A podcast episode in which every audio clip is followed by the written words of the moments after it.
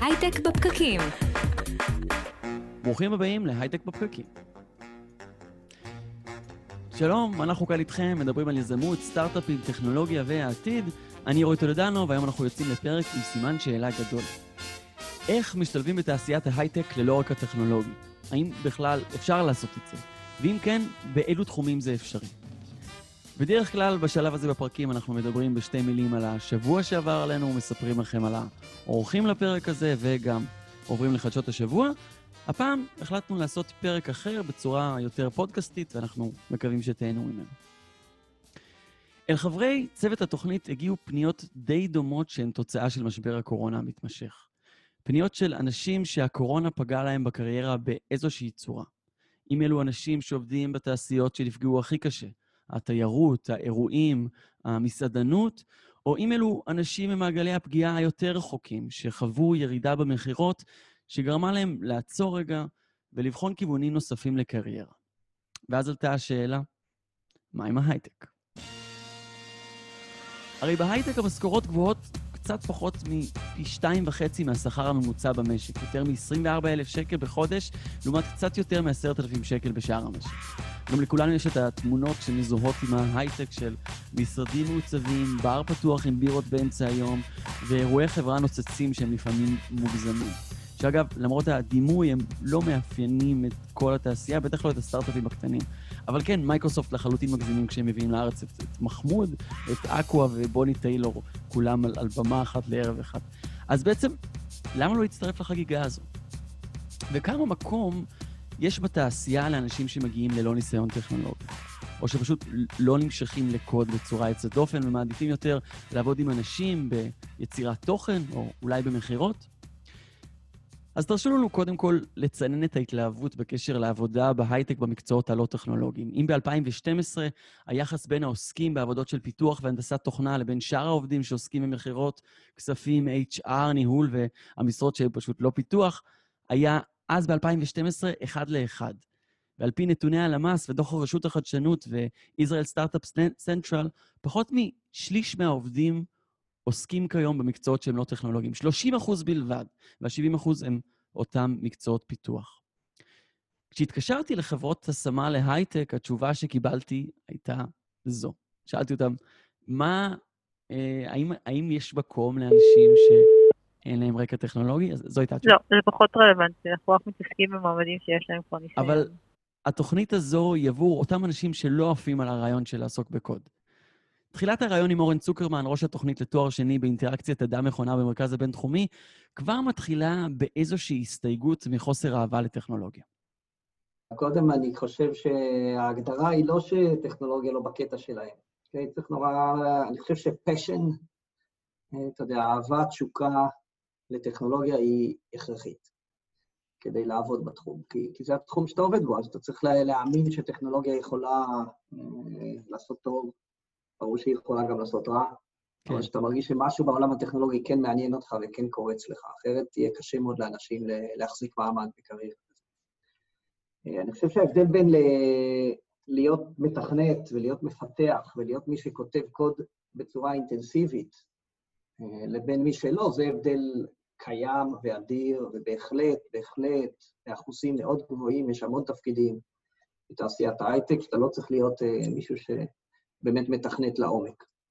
אז אני לא... כן, אז יש הרבה מאוד תפקידים. יש הרבה מאוד תפקידים מאוד מגוונים, והם מאוד יצמחו אה, מכל הסוגים. אני יכול אז בוא נדבר על זה. ולתפוס אותם, אז אה, כאילו יש לנו, אני ננסה לעשות בזה סדר לרגע. אה, אז בואו נחשוב, יש קודם כל את יצירת הטכנולוגיה.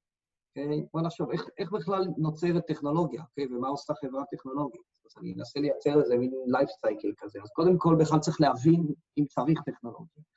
להבין את הצורך. כשטכנולוגיה תמיד נוצרת כדי לפתור בעיות, כדי לפתור כאב, כדי לפתור צורך, כדי לנסות לייצר חוויה חדשה. אז קודם כל יש המון המון מחקר.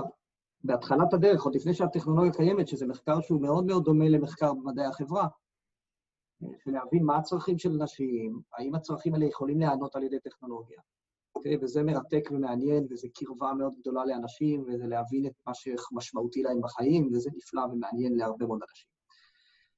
ואחרי זה יש המון מתודולוגיות והמון תהליכים שמנסים לחסוך כסף, ולהגיד, לפני שאנחנו הולכים ובונים איזו טכנולוגיה גרנדיוזית, בואו ננסה לעשות איזושהי סביבת אה, בדיקות, כדי לראות כן. האם באמת שווה להשקיע כל כך הרבה כסף. וגם פה יש המון המון מקום לאנשים שאוהבים לבנות דברים. אה, זה נקרא לבנות prototype. אה, ואפשר לבנות prototype של אפליקציית mobile ושל אתר אינטרנט ושל רובוט ושל אובייקט חכם ושל בית חכם ושל עיר חכמה, ולכל הדברים האלה יש היום המון המון דרכים והמון המון כלים. אז כן, זה ללמוד כלי טכנולוגי, אבל זה כמו ללמוד פוטושופ בשביל לערוך תמונה, או כמו ללמוד אה, אפליקציה לעריכת סאונד בשביל לעשות פודקאסט. כן. זה דבר שאולי יש אנשים שיקראו לו טכנולוגי, אבל אני חושב שזה כלי, וללמוד כלים זה נורא מעצים ונורא כיפי, כי פתאום אתה יותר יצירתי, כי יש כלי שעוזר לך ליצור. אז פה יש גם עולם שלם. ואם אה, נקביל שזה העולם שאנחנו קוראים לו חוויית משתמש.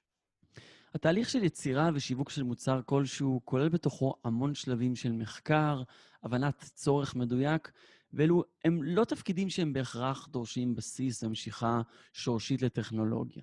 הם תהליכים שהם קודם כל מול אנשים, והרבה מאותם 30% של משרות בהייטק שהן לא טכנולוגיות, הם בדיוק בתווך הזה.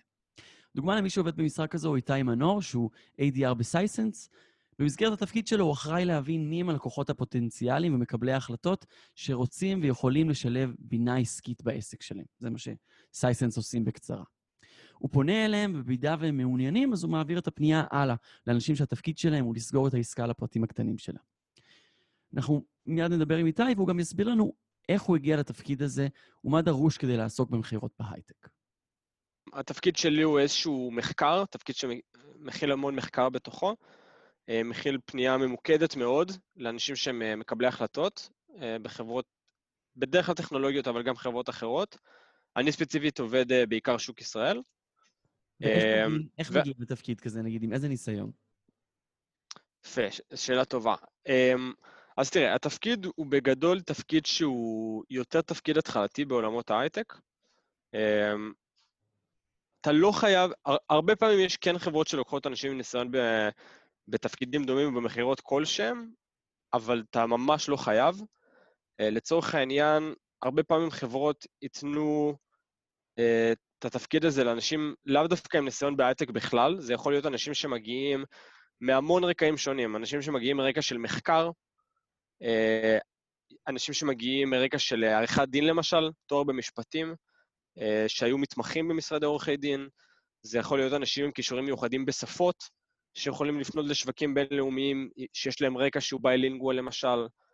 אמ, אז הרבה פעמים כן צריך איזושהי, נקרא לזה עבודה כלשהי ברקע ובניסיון שלך, אבל זה ממש לא חייב להיות דווקא עבודה שהיא כבר בעולמות המכירות ובהייטק. כן. ונגיד, ויש לי אה, איזשהו ניסיון, יש לי כנראה גם רקע באנגלית, שזה אה, די הכרחי ברוב המקרים, מה, איך, איך, מה הלאה? איך, איך אני מצליח להתקבל? קודם כל, אני חושב שהדבר הכי הכי הכי חשוב אה, זה להבין ולנסות למצוא איזשהו added value אה, בעצמך. אז אה, זה יכול להיות שפה, זה יכול להיות אפילו, אני אתן לך דוגמה, אני מכיר חבר שעבד אה, כשף וניהל מספר מסעדות, ואז העבודה הראשונה שלו בעולם המכירות הייתה בסטארט-אפ שמתמחה במשלוחים, והוא, והוא למשל הצטרף לשם כאיש מכירות, בלי רקע, בלי רקע טכנולוגי, בלי רקע של מכירות פר סה, אבל עם רקע מעולה בהבנה של איך עובד עולם המסעדנות. כן. אז זה יכול להיות עבודה קודמת שהיא בעולם מסוים, ולנסות ללכת לסטארט-אפ או, ל, או, לאזור של הייטק בעולם הזה. זה יכול להיות בנוגע למוזיקה, זה יכול להיות uh, קשר, uh, חוזקה בשפות מסוימות, זה יכול להיות uh, עורך דין שהולך לסטארט-אפ בתחום הלגאלי יותר, כן. בעולמות ההייטק. זאת אומרת, למצוא את עולם התוכן שלך ולנסות ש, שיתאים לדברים שכבר עשית, או דברים שמעניינים אותך, אה, ו- וחקרת אותם אולי גם באופן לא פורמלי. ומה עוד? Mhm. אז מה, להתחיל אה, לשלוח קורות חיים בטירוף? יפה, אז תראה, אני חושב וגם אה, מהרבה דברים שככה חקרתי ודיברתי עם המון אנשים, שיש המון המון המון מחפשי עבודה, במיוחד כרגע, אה, ולשלוח קורות חיים בטירוף דרך לינקדאין וסיקרט תל אביב ג'ובס וכולי, זה קצת מאבד מהערך שלו. אה, ואני חושב שכחלק מעבודת המחקר, וגם הנה ככה כאיזשהו משהו לבדוק את עצמך איך אתה בעבודה הזאת, קודם כל בוא, בוא אפשר לנסות ולהיות ממש SDR לעצמך בחיפוש עבודה. Sales Development Representative. מה זה אומר? זה אומר באמת לעשות לא. מחקר, מחקר אמיתי ומעמיק של חברות שרוצים לפנות אליהן, וזה אומר ממש ממש, איך שאני רואה את זה, למפות את הקשרים שלנו, אמ, שזה יכול להיות כל אחד, זה יכול להיות חבר, זה יכול להיות מישהו שהיה איתנו בתואר, שעובד באיזושהי חברה מסוימת, שמעניין אותנו לנסות ולהגיע לשם.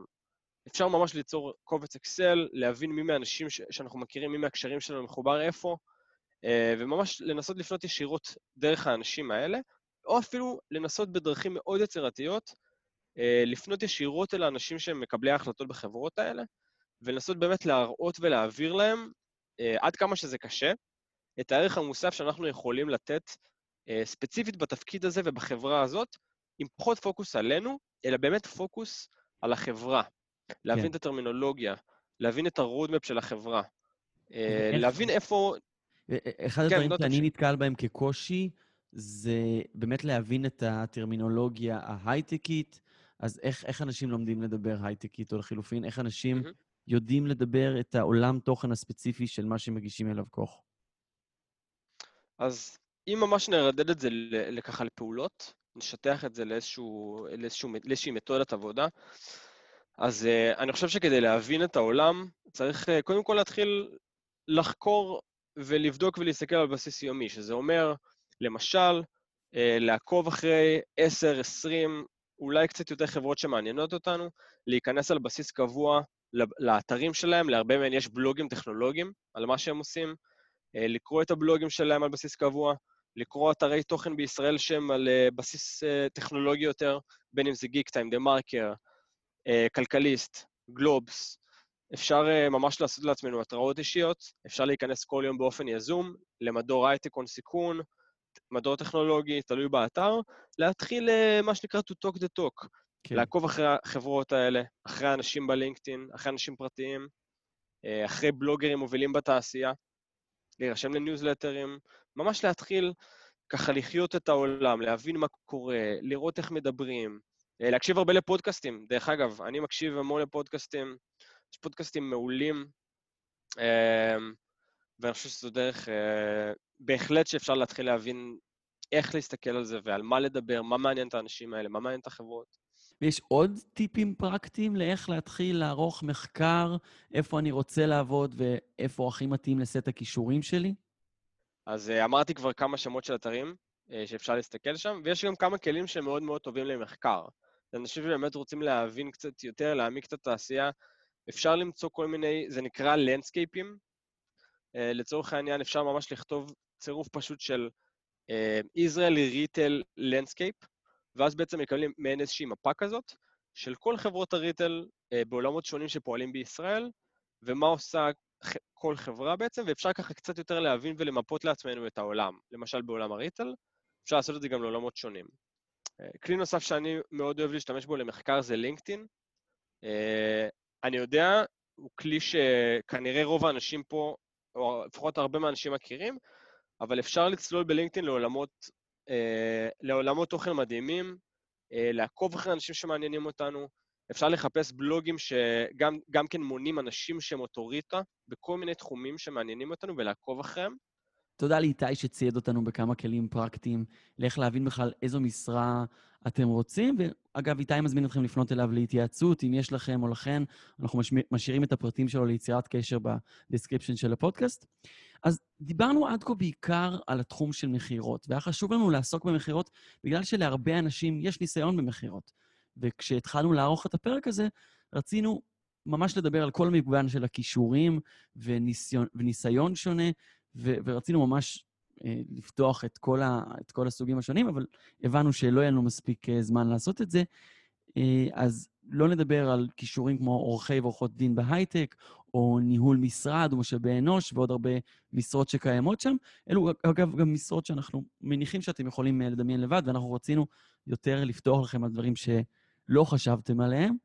גם חבל שלא נספיק לדבר על תוכן ו storytelling. אני כן אגיד בקצרה שזה מה שאני עושה, בעזרת פודקאסטים, שזה עולם שלם של מיתוג ושיווק, ואיך לספר את הסיפור של החברה באופן שמבליט את היתרונות שלה בצורה הכי טובה, בצורה מונגשת, כדי להיות מעניינים. אז ניסינו כן להתמקד בכיוונים אה, ומשרות פחות אינטואיטיביות. ואנחנו ממשיכים עם אלון אסקרוב, שהוא מנהל תוכן בפליי סטודיוס, שזו חברה שמפתחת משחקי ריל טיים למובייל, והוא ידבר איתנו על העולם של עיצוב ואנימציה, ושאלתי אותו קודם כל, איך הוא נכנס למשרה הראשונה שלו בתעשייה. הם בעצם חיפשו מישהו ללא ניסיון, כי הם היו עדיין סטארט-אפ קטן, וזה היה התקציב שהיה להם? כן, כן, זה בדיוק זה. זאת אומרת, אני הייתי משהו כמו, לא יודע, שנתיים, שלוש אחרי הלימודים. הם, כאילו דיברו איתי בדולרים, הם אמרו לי, כן, נשלם לך ככה וככה. אמרתי, סבבה, זה מספיק לי. אה, לא ממש הסתכלתי באותו זמן על שורת הרווח, אה, וממש ממש, כל מה שעניין אותי זה באמת להיכנס לתחום ולעשות משהו עם אנשים מעניינים שיאתגרו אותי. כן. וזו הייתה חבורה... כן, אה, אני אפילו לא זוכר, אני חושב שזה היה כזה פייסבוק, או לא יודע, איכשהו זה קפץ לי כזה, נכנסתי לכל מיני דברים ב-DC כזה, כל מיני דברים שהם רלוונטיים לאזור, ו... כן. ואילו משרות יש אצלכם בכל התחום של עיצוב ואנימציה? אמ, וואו, האמת היא שהמשרות אצלנו, קודם כל יש לא מעט משרות של אה, באמת UI UX, כן. אה, אנימטורים, אה, שאנימטור אצלנו זה משהו קצת אקסטרה, ואני יכול לפרט על זה אם אתה רוצה, אמ, ו... ומאיירים. זה בעצם השלוש משרות קריאייטיב, ככה הכותרות הגדולות, יש עוד, ואז זה מתפצל לכל מיני, ל marketing, לדברים של game design וכו'. כן, ואנימטורים, מה עושים אצלכם? שאמרת שזה קצת אקסטרה, ואני גם מבין שזה קרוב ללבך. כן, אז באמת, אני התחלתי בפליי סטודיוס כאנימטור, והיום אני מנהל של הצוות תוכן, אבל...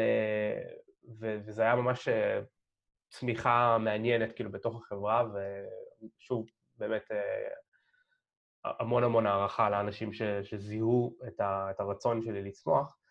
אמ, אנימטורים אצלנו הם, הם באמת אה, במאים של, של החוויה של, השח, של המשחק, של מה, מה שהשחקן סופג.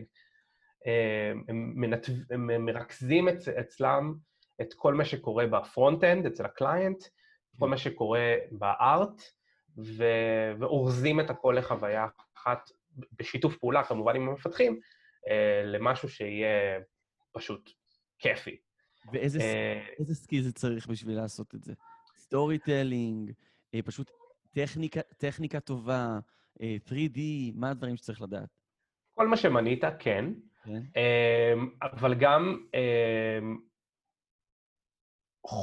בוא נגיד, אני, אני אגיד את זה ככה, אני אנסח את זה, אני אנסה למצוא את המילים הנכונות לנסח את זה. אמ, יכולת שיתוף פעולה עם המכונה, אוקיי? כאילו, לא לפחד מהמחשב כן. ולא מפחד מהתוכנה, כי, כי יש לנו מנוע, יש לנו מנוע גרפי שלנו ש, שפיתח, שפותח אצלנו, אנחנו לא עובדים עם יוניטי, אנחנו עובדים עם יוניטי בדברים מסוימים, אבל הכל מרוכז במנוע הגרפי שלנו. זאת אומרת שהאנימטור שעובד אצלנו צריך לדעת שהוא עושה אנימציה, אבל אחר כך הוא צריך לדעת איך הוא מחבר את זה לקוד בצורה שתעבוד סימלסלי ותיראה טוב. וזה אומר שהוא, שאנימטור או אנימטורית אצלנו צריכים להיות קצת יותר אה, tech savvy, נקרא לזה, כאילו יותר מיומנים ברמת, בדברים, בשיטות הטכניות, אה, אבל אני לא רוצה להפחיד, זה לא, לא מדובר כאן על תכנות או על פיתוח באיזשהו אופן. אנימטור בסוף עושה אנימציה. הוא פשוט, ככל שהוא מכיר יותר את הצד של ה front-end, מה שקורה אצל ה client, אה, זה יעזור להם יותר אה, לא עולה, אה, להגיע לרמה גבוהה יותר של חוויה.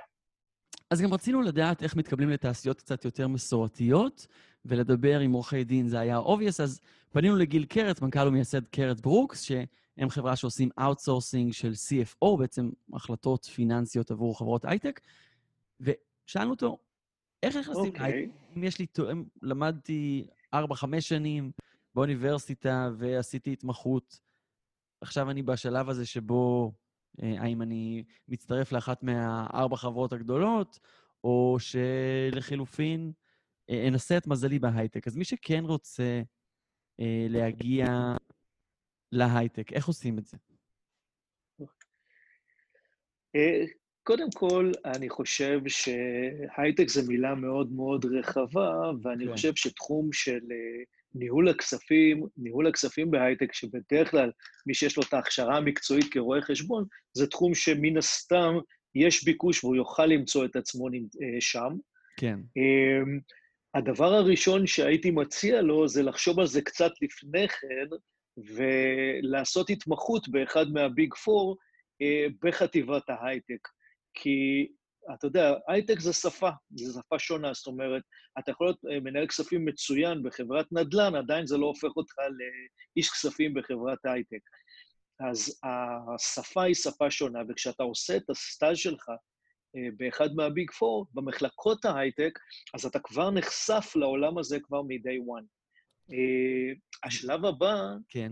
אני חושב, לפני, לפני שאתה קופץ למים ונכנס לתוך חברה גדולה, אתה צריך אה, להשתפשף קצת. עכשיו, להשתפשף קצת זה יכול להיות או בחברות מהסוג שלנו, שאלינו מגיעים אנשים לאחר שהם סיימו את תקופתם אה, במשרדי הרואי חשבון, ראיית חשבון, ומגיעים אלינו ועושים בעצם תפקיד של חשב לפני שהוא הופך להיות CFO, הוא מתחיל כקונטרולר, חשב, אה, בכמה וכמה חברות סטארט-אפ, אז אתה גם צובר ניסיון רוחבי בכמה סוגים שונים של חברות, ובעצם אה, נחשף לתוך התעשייה הזאת מהעולם האמיתי, אבל באמצעות חברה כמוני שנותנת לך איזשהו gap לתוך העולם הזה. מקשרת אותך לעולם הזה. ובשלב הבא אתה יכול באמת להשתלב בתוך החברה שאתה תמצא חן בעיניה והיא תמצא חן בעיניך, ותוכל כבר אה, לבוא לידי ביטוי שם. כן. אבל אה, להתחיל סטאז' באחד מהביג פור במחלקת הייטק זה לגמרי דרך המלך, אבל זה לא משהו שכולם מצליחים לעשות, ו- וגם נכון. אני תוהה כמה, כמה חברות כמוכם יש שאפשר להשתלב בהן אה, בתפקידים של חשב, אז איזה עוד אפשרויות יש? אה, קודם כל, אה, האפשרות הראשונה היא גם לנסות, אתה יודע, לנסות את מזלך, מה שנקרא. אני חושב שברגע שהוכשרת כרואה חשבון וסיימת את הלימודים ואת ההכשרה, אה, יש לך כבר ידע בסיסי. פה אתה צריך את המעוף ואת היצירתיות. זאת אומרת, לנסות לראות את הקשרים והכישורים שאתה מכיר, להגיע דרך קשרים אישיים ולקבל את ההזדמנות שלך בחברה הראשונה שתוכל אה, אה, לקבל אותך, למרות שבעצם חסר לך קצת ידע. מעבר לזה, אני הייתי מציע כן להיכנס וללמוד את המושגים. הייטק זה שפה, סטארט-אפים כן. זה שפה. לא יכול להיות שתיכנס כאיש כספים, ואיש כספים זה תפקיד מוביל בחברה, לא יכול להיות שתיכנס לעולם של הייטק בלי שתדע מונחים בסיסיים. אה, שאתה לא לומד אותם בפרקטיקה באוניברסיטה, אתה לומד אותם רק בפרקטיקה. כן. אה, כך שאת השפה הזו אתה יכול ללמוד, אתה יכול ללמוד אותה גם דרך הרשת, אתה יכול לשמוע הרצאות, אתה יכול אה, להתעניין בדוחות כספיים של חברות סטארט-אפ, אתה יכול לגשת ואפילו לפנות לחברים שלך שעובדים כבר בחברות כאלה, ולעשות איתם קצת סשן של למידה של העולם הזה. אה, אבל אני חושב שזה, אה, מעבר להכל, זה באמת להיות יצירתיים ולנסות למצוא את הדרך לעשות אה, את, את הלימוד הזה באופן עצמאי. אז זה היה גיל קרת, שבעצם אומר שזה לא הולך להיות קל, ובשביל באמת להתברג, צריך פשוט להתאמץ ולהיות יותר טוב מאחרים. אם נחזור על מסר שמהדהד פחות או יותר מכל המרואיינים היום, אז המסר הוא שלא צריך לפחד מטכנולוגיה. אה, מי שרוצה לקחת את המסר הזה ומקשיב לו, אה, ורוצה לקחת את זה כמה צעדים קדימה, לתחום של מתמטיקה וסטטיסטיקה, אז כדאי מאוד לפזול לכיוון של מדע נתונים, Data Scientist. מי שתספר לנו על התחום היא נעמי קריגר כרמי, סמנכ"לית ומנהלת הזירה החברתית ברשות החדשנות. למשל, אחד התחומים שהם בתנופה אדירה והם אה, פיתוח, אבל, אבל במובן שונה מטכנולוגיה, זה כל התחום של Data Science, מדע נתונים. כן. אמ, וזה תחום שדווקא המון אנשים מגיעים אליו מרקע מחקרי במדעי החברה אה, או בתחומים אחרים, כי מה שיותר חשוב פה הוא באמת היכולות האנליטיות מחקריות, אה, ולאו דווקא כתיבת קוד אה, או מתמטיקה או, או אמ, ולכן אנחנו גם, אה, למשל, השקנו תוכנית שעוזרת אה, לחברות לייצר את השכבה הזאת של אה, מומחי Data Science ו-AI. אנחנו גם מסתכלים, גם פה זה תחום שהוא מאוד מגוון. יש Data Analyst, יש data engineer, יש data scientist, זה רמות שונות. data analyst זה בדרך כלל אה, יותר אה, כלכלנים אה, ואנשים מרקע כזה מאשר אנשים מרקע טכנולוגי, בעוד שנגיד data engineer, שהוא זה שיותר כותב את הקוד ואת האלגוריתמים, זה אוריינטציה יותר טכנולוגית, אבל זה תחום ענק שהייתי מאוד מציעה לאנשים שהם לא רואים את עצמם כטכנולוגים פרופר, כן.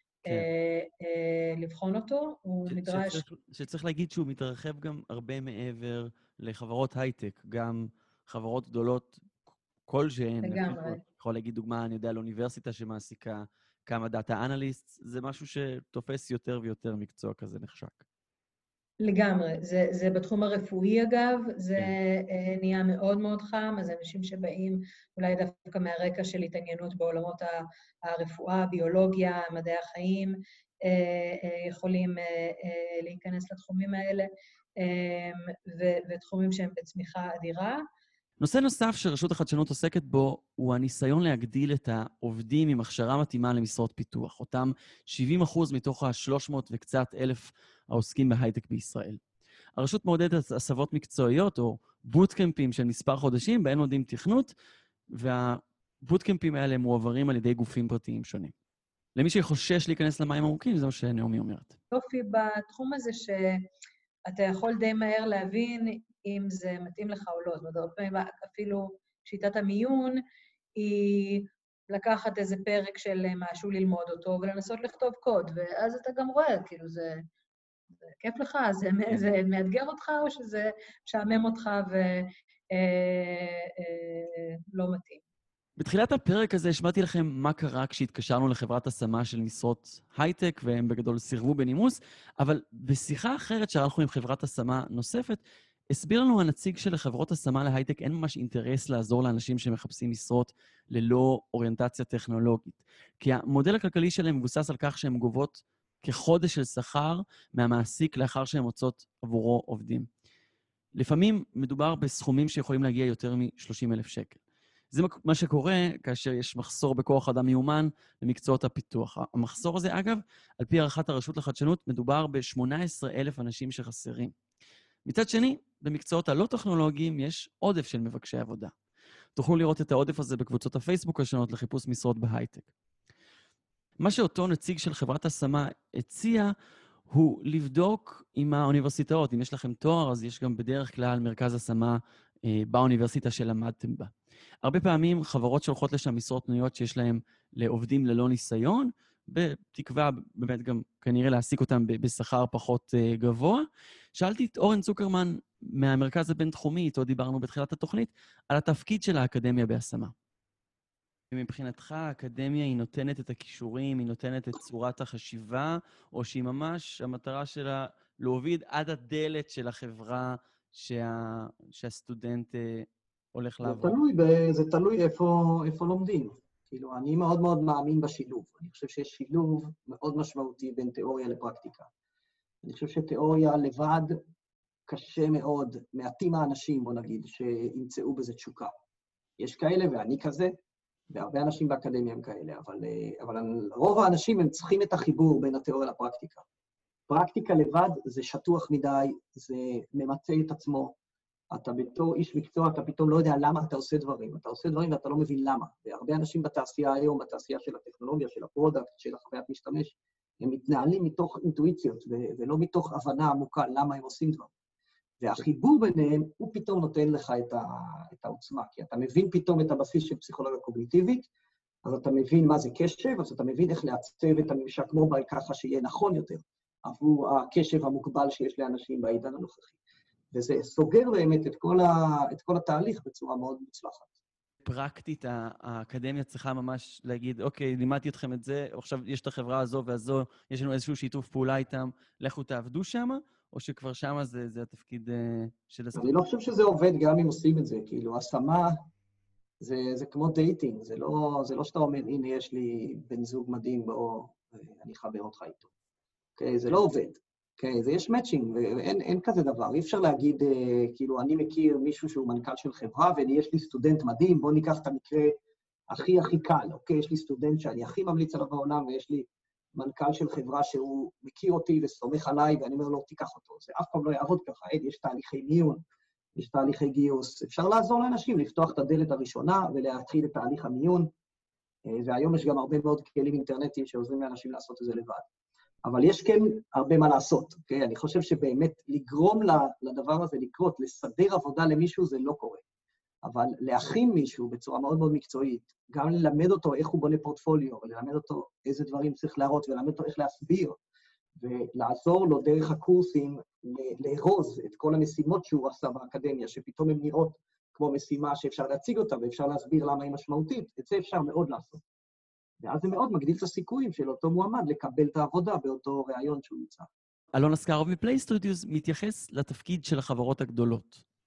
יש, יש לפעמים, אה, בוא נגיד, זליגה מיותרת מה, מהמוסדות האלה אה, של אנשים שפשוט אה, לא יודעים מה, מה השלב הבא. זאת אומרת, הם מסיימים את הלימודים והם לא יודעים מה, מה הדבר הבא שהם צריכים לעשות, איך הם צריכים להתקדם הלאה, איך הם כן. צריכים, בין אם זה לשלוח קורות חיים ככה סתם, או ליצור קשר עם אנשים וכו'.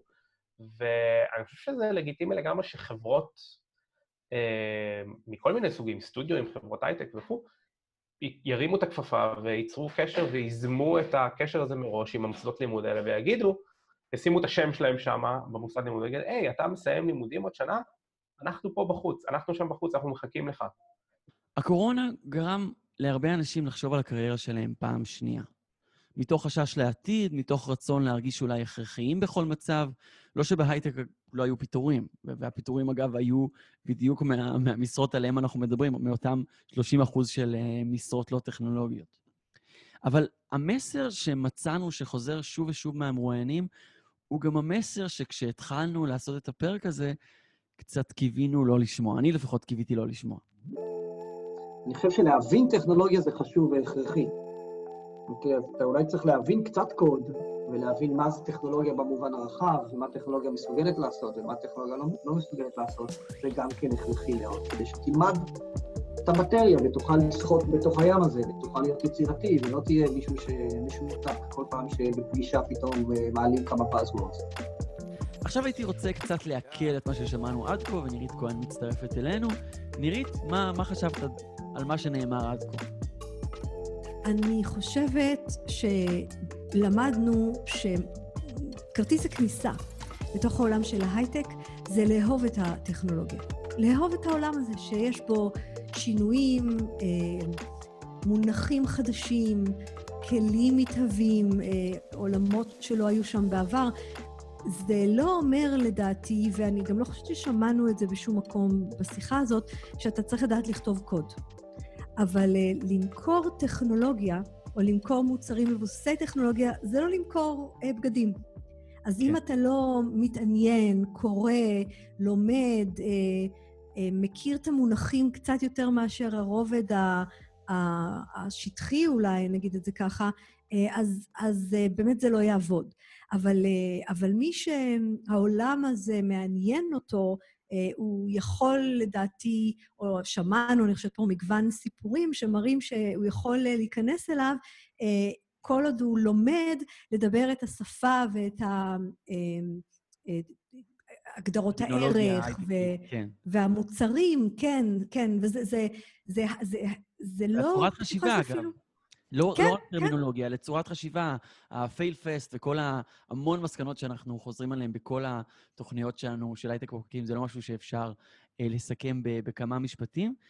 אני מסכים איתך לגבי הקוד, אני גם מסכים איתך לגבי סקרנות שהיא חייבת להיות. הרי כל עיסוק שאנחנו עושים, אנחנו חייבים שתהיה לנו, אם אנחנו רוצים להיות מוצלחים, אנחנו צריכים שתהיה לנו איזושהי התלהבות. ואין שום סיבה שבטכנולוגיה או בקוד זה לא יהיה שונה. אני רוצה לספר לך על שיחה שהייתי עד לה, בשביל להבדיל בין להתמצא במטריה לבין לקודד. אז הייתי ליד אה, מישהו שנבחן אה, לאיזושהי משרה ודיבר עם אה, מנהלת משאבי אנוש, והיה נשמע ש... אותה מנהלת ממש מקריאה מדף. אין לה שמץ של מושג מה היא אומרת. היא לא יודעת גם עם השפות שהיא מדברת, אז אנחנו מדברים על אה, איזשהו, איזושהי שפה שעושים איתה יותר דאטאבייסים או front, זה היה ממש שהיא מקריאה מדף. ולכן היא הייתה גם, היא הייתה נשמעת לא מקצועית בכלל, אבל גם לא... אני, היא, לא, היא לא הייתה יכולה להיות טובה בעבודה שלה. אני מסכימה. אז אני, היא הייתה חייבת אני... להתמצא, מצד שני, היא ממש לא הייתה חייבת לדעת קוד, חס וחלילה. אבל אני חושבת שזו, שזה הדקות הזאת ש, שאתה, קודם כל אתה, עובדה ששמת לב, כן? זאת אומרת, עובדה שזה בלט לך. אי אפשר, לא חשוב באיזה תחום אתה. אמ, אי אפשר בכאילו. אי אפשר uh, לדקלם טרמינולוגיות, לעשות חיפושים על מילות מפתח ולא להבין מספיק ברקע מה זה אומר. Um, זה, זה עולם ש, שצריכים, ממש לדעתי, כמו כל עולם, בסופו של דבר, אם אתה רוצה להיות טוב, אתה צריך להתעמק. אתה צריך uh, לצמוח, אתה צריך לשאול שאלות ולהתפתח וללמוד דברים חדשים. הטכנולוגיה היא פשוט רצה הרבה יותר מהר. העולמות שהיא, שהיא מתהווה בתוכם, היא, היא רצה הרבה יותר מהר, אנחנו לא יכולים ללמוד משהו ואז לנוח שלוש שנים. זאת אומרת, אתה צריך להישאר כל הזמן מעודכן ורלוונטי. פה, אגב, בתוכנית שלנו, כן, בהייטק בפקקים, זה בדיוק מה שאנחנו מנסים לעשות, מנסים כל שבוע להסתכל על מה קורה, מה כן. חדש. אה, אבל אני חושב שזה מביא אותנו גם למסקנה שהיא גדולה יותר והיא כללית יותר. כי אי אפשר לברוח מקדמה וטכנולוגיה, וכן, גם כשמדובר בשוק העבודה. אז נכון שיש משרות שהן פחות מושפעות, אבל גם עצם החיים שלנו עבר, עברו תהפוכות מטורפות, ואנחנו מאלצים, אנחנו חייבים להשתנות, אנחנו חייבים להתאים את עצמנו בשביל להישאר חלק מה, מהמעגל. טוב, שזה, עכשיו... שזה בהגדרה נכון, אה, אה, אורי, בעולם הזה. זאת אומרת, מה שאתה בעצם אומר, אם ניקח את זה קדימה, כן. אה, אם אתם לא תישארו מעודכנים ורלוונטיים בתחום העיסוק שלכם, אז גם אתם לא עובדים בעולם ההייטק, אתם תמצאו את עצמכם לא רלוונטיים ומוחלפים על ידי משהו או מישהו. נכון. אז זה בטוח נכון. פשוט בהייטק, וזה באמת העיסוק שלנו בפרק השבוע, זה, זה אפילו עוד יותר, עוד יותר רלוונטי. ואגב, יש לי עוד אובזרבציה אחת מכל השיחות אה, של, אה, של היום, אה, זה שיש פה גם איזשהו משהו ב... בתפיסה של יזמות שמשליך גם לתוך המקצועות הלא-טכנולוגיים בתעשייה, ושמענו פה הרבה מאוד דרישה מאנשים לפרואקטיביות. לפרואקטיביות בחיפוש עבודה, דרך להכיר אנשים ולתחקר חברות ולהיות פרואקטיביות ברכישת כלים ופרואקטיביות בהאזנה לפודקאסטים ובלוגים ולעקוב, שזה עוד תופעה שאני חושבת שהיא גם חלק מהקצב וגם חלק מהתרבות של התעשייה. אז אני מקווה שגם את הפרואקטיביות ניקח לעוד תחומים בחיים שלנו. אני חושב שאנחנו אמנם בחנו היום את הפריזמה של המקצועות הלא-טכנולוגיים בהייטק, אבל המסקנה היא כללית לימינו, ל-2020. בטוח. אז אנחנו לקראת סיום. תודה רבה, נירית. אמ, אני פונה אליך. אורי. אם הפרק הזה עזר לכם במחשבות על קריירה בהייטק, נשמח שתשתפו אותו עם אנשים נוספים שאולי גם עומדים בפני דילמות דומות, בקבוצות הוואטסאפ, במייל או טלגרם, איך שאתם מתקשרים זה עם זה. אנחנו הייטק בפקקים במהדורת פודקאסט מיוחדת, בדרך כלל בחמישי ב-12, 102 FM רדיו תל אביב. אנחנו בקרוב חוזרים גם למשבצת הקבועה שלנו שם, ברגע שההשלכות הנלוות של הקורונה כבר יחלפו לגמרי. ואני מזכיר שאנחנו גם משדרים בפייסבוק, עמוד שלנו נקרא אצטדיון הסטארט-אפ, שזה כמו אצטדיון כדורגל, רק לסטארט-אפים, וכמובן בעמוד הפייסבוק של כלכליסט. תודה לאורן צוקרמן מהמרכז הבינתחומי, אלון אסקארו מפליי סטודיו, איתי מנור מסייסן, שאת הפרטים שלו השארנו בתיאור. הפרק הזה הוא בחביבות אדירה, פותח את הדלת אם אתם רוצים להתייעץ איתו, ואתם מוזמנים. אה, נעמי קריגר כרמי מרשות החדשנות, וגיל קרת מברוקס קרת. תודה רבה לכם. נירית כהן, תודה גם לך. הדר חי עורך ראשי ואיש של פתרונות, שקד דמבו על האוטומציה וההפקה, אלמוג בן יוסף על ניהול הקהילה. אני אורי טולדנו, תודה למי שהצטרף אלינו לזום הזה או לפודקאסט, תודה לכם על ההאזנה, יאללה ביי.